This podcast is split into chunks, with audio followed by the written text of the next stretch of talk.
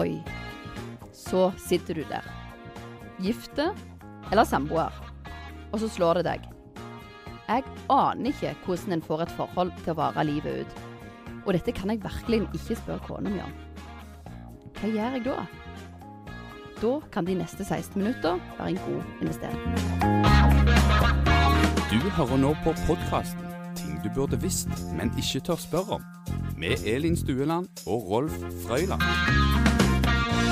Hjertelig velkommen til podkasten 'Ting du burde visst, men ikke tør spørre om', der vi søker etter svar på de tingene som du egentlig burde visst, før vi fant svaret på dem. I studio er Elin Stueland, og Rolf Frøyland. og vi har med oss Sigurd Spjelkavik, som er mekler og familieterapeut med familievernkontoret i Stavanger. Velkommen til oss. Takk, takk. Vi har et spørsmål fra en lytter med oss i dag. Det lyder sånn. Halvparten av alle ekteskap går i oppløsning. Hva kan jeg gjøre for å unngå å havne i den samme fella? Sigurd, hva tenker du? Hvordan skal en redde et samliv? Du har vært i samtale med mange par. Eh, hva er de største problemene? Jeg tror tidvis kan kanskje det største problemet være at kanskje par kommer for seint til familievernkontoret når utfordringene har vedvart over lang, lang tid, og det er nesten kniven på strupen. Nå må vi finne en løsning på det som oppleves som vanskelig. og mange ganger så opplever jeg at de rett og slett kom for seint. Det er faktisk en av de tingene. Jeg vil i hvert fall si at når man repeterer et mønster som oppleves negativt for en eller begge, ikke la det gå for lenge. Fordi at det medfører så mye annet som igjen kan oppleves som vanskelig. Og dermed så blir det ganske sånn mange fasetter av hva som oppleves som vanskelig. Så kom i hvert fall før enn etter, er kanskje mitt råd. Hva er et typisk problem, da? Altså, typisk problem Det er kanskje vanskelig å si hva er typisk problem, men det kan være alt fra småting som eh, arbeidsfordeling, det kan være eh, den enes eh, karriere går på bekostning av den andres. Det kan være rett og slett skjevfordelinger, altså om det er kjønnsmessige skjevfordelinger eller for, ulike forventninger, tror jeg det er. Forventninger til samlivet. Jeg tror det er den største utfordringen. Man har ulike forventninger til sin partner og til sitt samliv.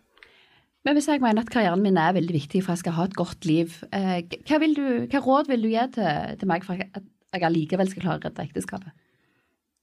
Jeg hører du spør etter råd, direkte råd, og det er litt vanskelig å gi direkte råd. fordi at det, altså Svarene Det som er litt paradoksalt, er ofte at problemet ligger i paret, men også løsningen ligger i paret. Det ligger ikke i et velmenende råd fra meg. Så det blir jo i en samtale og en dialog man kan finne ut hva er verdien av de ulike temaene, og hvorfor blir det vanskelig for en eller begge, og hvordan kan man leve med de forskjellene som er innad i paret. For det er det det handler om. For man ser ikke likt på alt her i verden.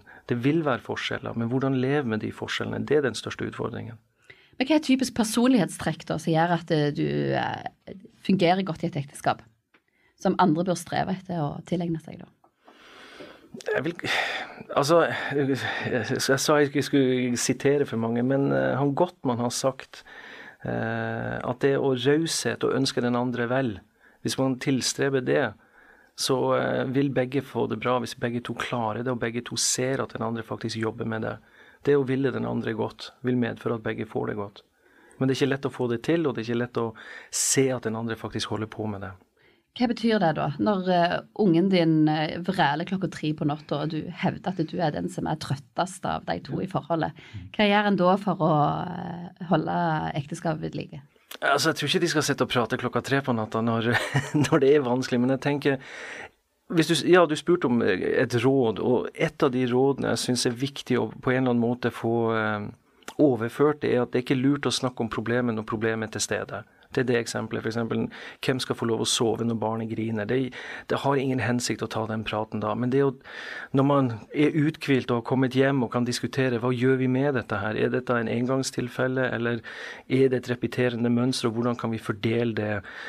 Og det å ha fokus på det å ikke bare se på én situasjon isolert. For hvis det er én som står kun opp med barnet, ja vel, hva er det den andre gjør? Kanskje den andre faktisk vasker huset, handler, lager mat og forventer at den andre òg trår til. Altså Det handler om å kartlegge hvordan de ulike situasjonene oppleves, og hva det betyr, og hvordan vise litt velvilje.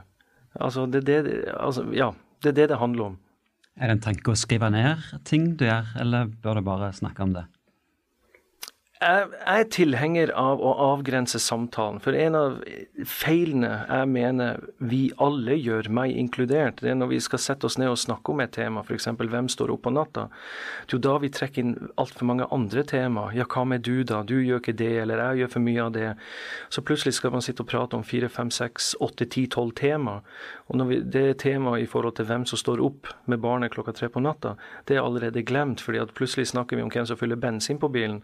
Og da har vi ikke funnet en løsning til neste natt når barnet våkner klokka tre. Og så går vi igjen i et nytt mønster med frustrasjon og sinne. Ja, Hvis en hadde lagd seg et Excel-ark der en fordelte jevnt byrden, hvem støvsuger, hvem skifter bleie, eh, hvem står opp og henter 16-åringen på fest på natta, så ville en jo kunnet lett sett hvem som gjorde mest. Hadde det ikke vært lurt å bare fått det inn i et skjema? Hvis det fungerer for de foreldrene det fungerer for, så vil det være ok. Men det er jo ikke alle det fungerer for. Det er jo ikke noe det finnes, Jeg tror det er derfor så mange par går fra hverandre. For det finnes ingen ensarta mal som sier at hvis du gjør disse 14 punktene, så lever du langt og lenge og lykkelig. Det, du er i masse forskjellige overganger fra før du har barn. Da har du en annen frihet, og så får du barn, og så har du ulik oppvekstvilkår. Altså ikke oppvekstvilkår, men du kommer fra ulik oppvekstfamilie. Og der er det noen moral og verdier man har med seg inn. Og eh, skal barnet ha strenge grenser? Skal det være fri oppdragelse? Altså, alle disse tingene er aldri diskutert før man står i situasjonen. Så det jeg tror kan være viktig, er når man nærmer seg større overganger i et samliv, og faktisk OK, vi nærmer oss noe. Hva betyr det? Hvordan vil vi håndtere det? Hva tenker vi rundt disse tingene? Men jeg tror altfor mange ja, vi, vi, vi, velger å få et barn, og så plutselig Oi, det var litt mer slitsomt enn det vi hadde sett for oss. De har jo ikke snakket om det. De bare tenker på de Vi skal gå og trille på lille Nurke og ha det veldig lykkelig.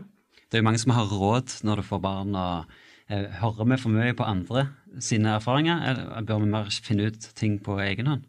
Jeg tror det, blir, det blir jo et litt paradoks når jeg sitter her eh, Jeg tror vi lever i et såkalt ekspertsamfunn. Vi, du ser i media, i magasiner, alle ekspertene. Ti råd for seksualitet, ti råd for bedre orgasme, ti råd for det ene og det andre. Og så sitter man og leser disse tingene. Og hvis vi ikke mm, er på Hvis vi ikke mm, gjør én av de ti tingene, så blir vi jo kjempeparanoide. Altså, vi må jo gjøre alt feil da. Så ja, jeg tror vi, vi vi blir fortalt for mye, tror jeg, istedenfor å erfare. Mm. Du hører nå på podkasten 'Ting du burde visst, men ikke tør spørre om', med Elin Stueland og Rolf Frøyland.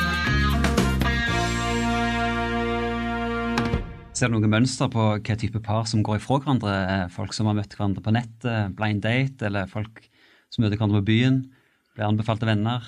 Ungdomskjærestene, holder de ut? Ja, holder de.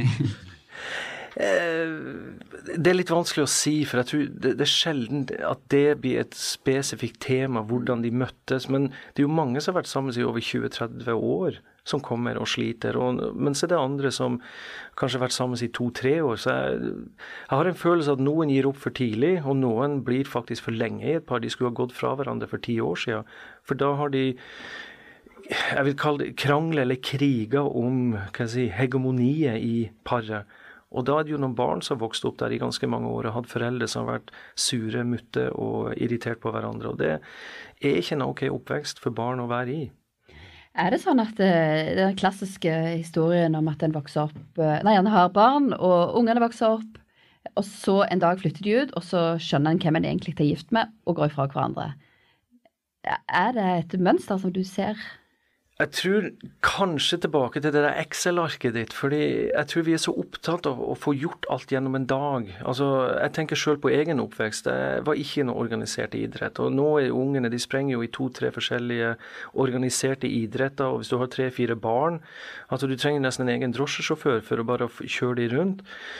Eh, du skal ha et arbeidsliv, du skal ha, ivareta venner. Og jeg tror at vi er for travle opptatt med å få familien til å gå rundt, at vi faktisk glemmer kjæresteforholdet i parrelasjon. At kjæresteforholdet får for liten oppmerksomhet. For vi har en opplevelse at det var så sterkt i begynnelsen. Og vi, jeg, jeg, tenker at folk prioriterer litt feil, for de glemmer at de òg er kjærester. De er ikke bare foreldre. Jeg tror kjæresteforholdet glemmes litt mye. Da er vi tilbake inn i kjernen av dette her. Og dette må det være et, et veldig konsist eh, svar på. Hvordan bevarer en gnisten? Jeg tenker at hvis man klarer å få den andre til å føle seg sett, hørt og forstått, så tror jeg gnisten forblir der.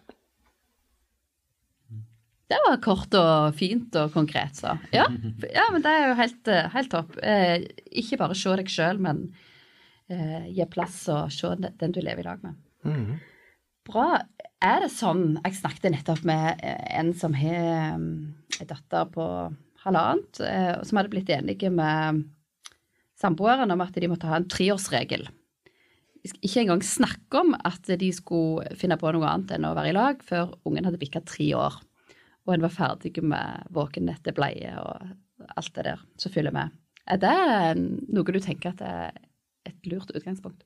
Hvis jeg forsto spørsmålet, så skulle de ikke gjøre noen ting annet enn å være familie i tre år? Nei, at de, de kan ikke si sånn 'dette her er så drit, nå går vi fra hverandre'. For, for at det er så unntakstilstander, du sover lite, kaos ja. Hvis det virker for de, hvorfor ikke? Ja. Jeg, jeg synes Det som virker for, den, for det paret, det, det syns jeg er ok. Og hvis det er ok for de, og de kommer ut etter tre år og kan fortsette familielivet, hvorfor ikke? Men hva, hvis, men tenker, men hva hvis den ene opplever at dette er fryktelig vanskelig? Har de lov å snakke om det, eller skal de vente i tre år for å ta opp temaene? Blir de overvelda da av at de kanskje har 20-30 tema som er bare drit? Blir de overvelda av det? Og det, det, tenker jeg òg er noe viktig i dette her. For vi er veldig flinke å fremheve alt det som ikke virker. Vi er veldig flinke å fremheve hva er man blir provosert av, eller en klage mot den andre. Men hvor ofte snakker vi om det vi faktisk verdsetter i paret? For vi, vi antar at det Vi tar det for gitt, tenker jeg. Altså, det som fungerer, det trenger vi ikke å diskutere, for det fungerer, og det er bra. Men hvis du ikke snakker om det, og hvordan ivareta det, så vil det visne hen som Ja, det vil visne hen. Og så diskuterer vi bare problemer, og så kanskje vi setter vi igjen med en opplevelse av at det er jo bare tull. Det er bare drit. Det er bare problemer. Så det er viktig å ha, Jeg er naiv optimist og tenker det er like viktig å ha fokus på det som faktisk virker, og det man verdsetter i den andre. Selv om man tidvis er eitrende forbanna på den andre. Men tror du egentlig på et sånn evig samliv? Det er ikke sånn at i 2018 så er på en måte seriemonogami løsningen på ting. At ok, nå er vi i laget ti år, bytte ut ti år. Det er ikke sånn at det er utgått som institusjon, da? Jeg vet ikke, for jeg På familievernkontoret så ser jeg jo òg barna jeg vet ikke om vi har blitt for egosentriske i vårt samfunn. At vi eh, har bidd vår egen lykkesmed. At vi glemmer faktisk at når vi etablerer oss i et samliv, så skaper vi òg barn. Og barn er avhengig av både mor og far.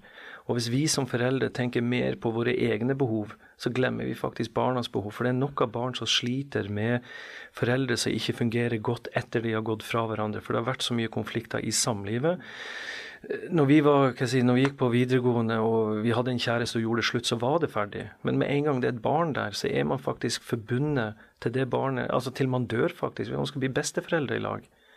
Og der tror jeg vi, treng, vi trenger å tenke litt gjennom hva er det faktisk konsekvensen av handlingene våre. For det å få et barn kan vi gjøre veldig lett, men det å være foreldre resten av livet, det er ganske utfordrende og vanskelig. Det sies det finnes diverse kriser, f.eks. 40-årskrisa. Er det et reelt problem?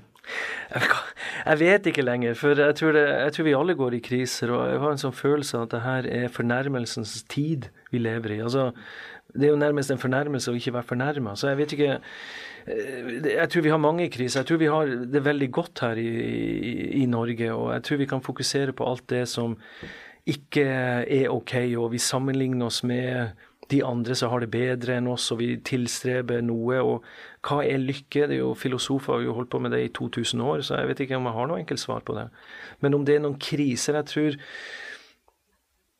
Hvis jeg kan si i forhold til samlivet, så kan det jo være noen overganger som oppleves som vanskelig. F.eks. det at man får små barn, kanskje man får flere små barn med et kort intervall, at man var ikke klar over hva det betydde.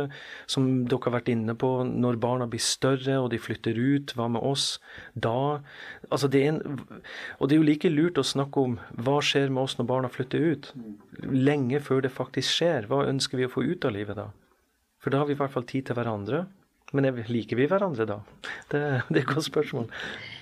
Veldig bra, gode svar. Eh, da tror jeg vi kan si at eh, det innsendte spørsmålet er delvis besvart nå. For hvis eh, halvparten av parforholdene går i oppløsning, hva en bør gjøre for å unngå at sitt eget forhold går i oppløsning? Du har oppsummert det på en måte i seks punkt, hvis jeg skal prøve å trekke slutning ut fra den samtalen. Vis raushet overfor hverandre. Ta konfliktpraten etter at konflikten er overstått. Lytt til dere sjøl, tro på eh, det en har i fellesskap, ikke bare gjør sånn som alle andre befaler. Se den andre, gi den andre kompliment og plass. Vær klar over overgangene i livet eh, og hva som kommer etter det. Og hvis du trenger hjelp, søk hjelp tidlig. Rett og slett. Ja, ja vi sier det. takk for du kom, Sigurd Spjelkavik. Dette tar vi med oss videre i livet. Takk, takk.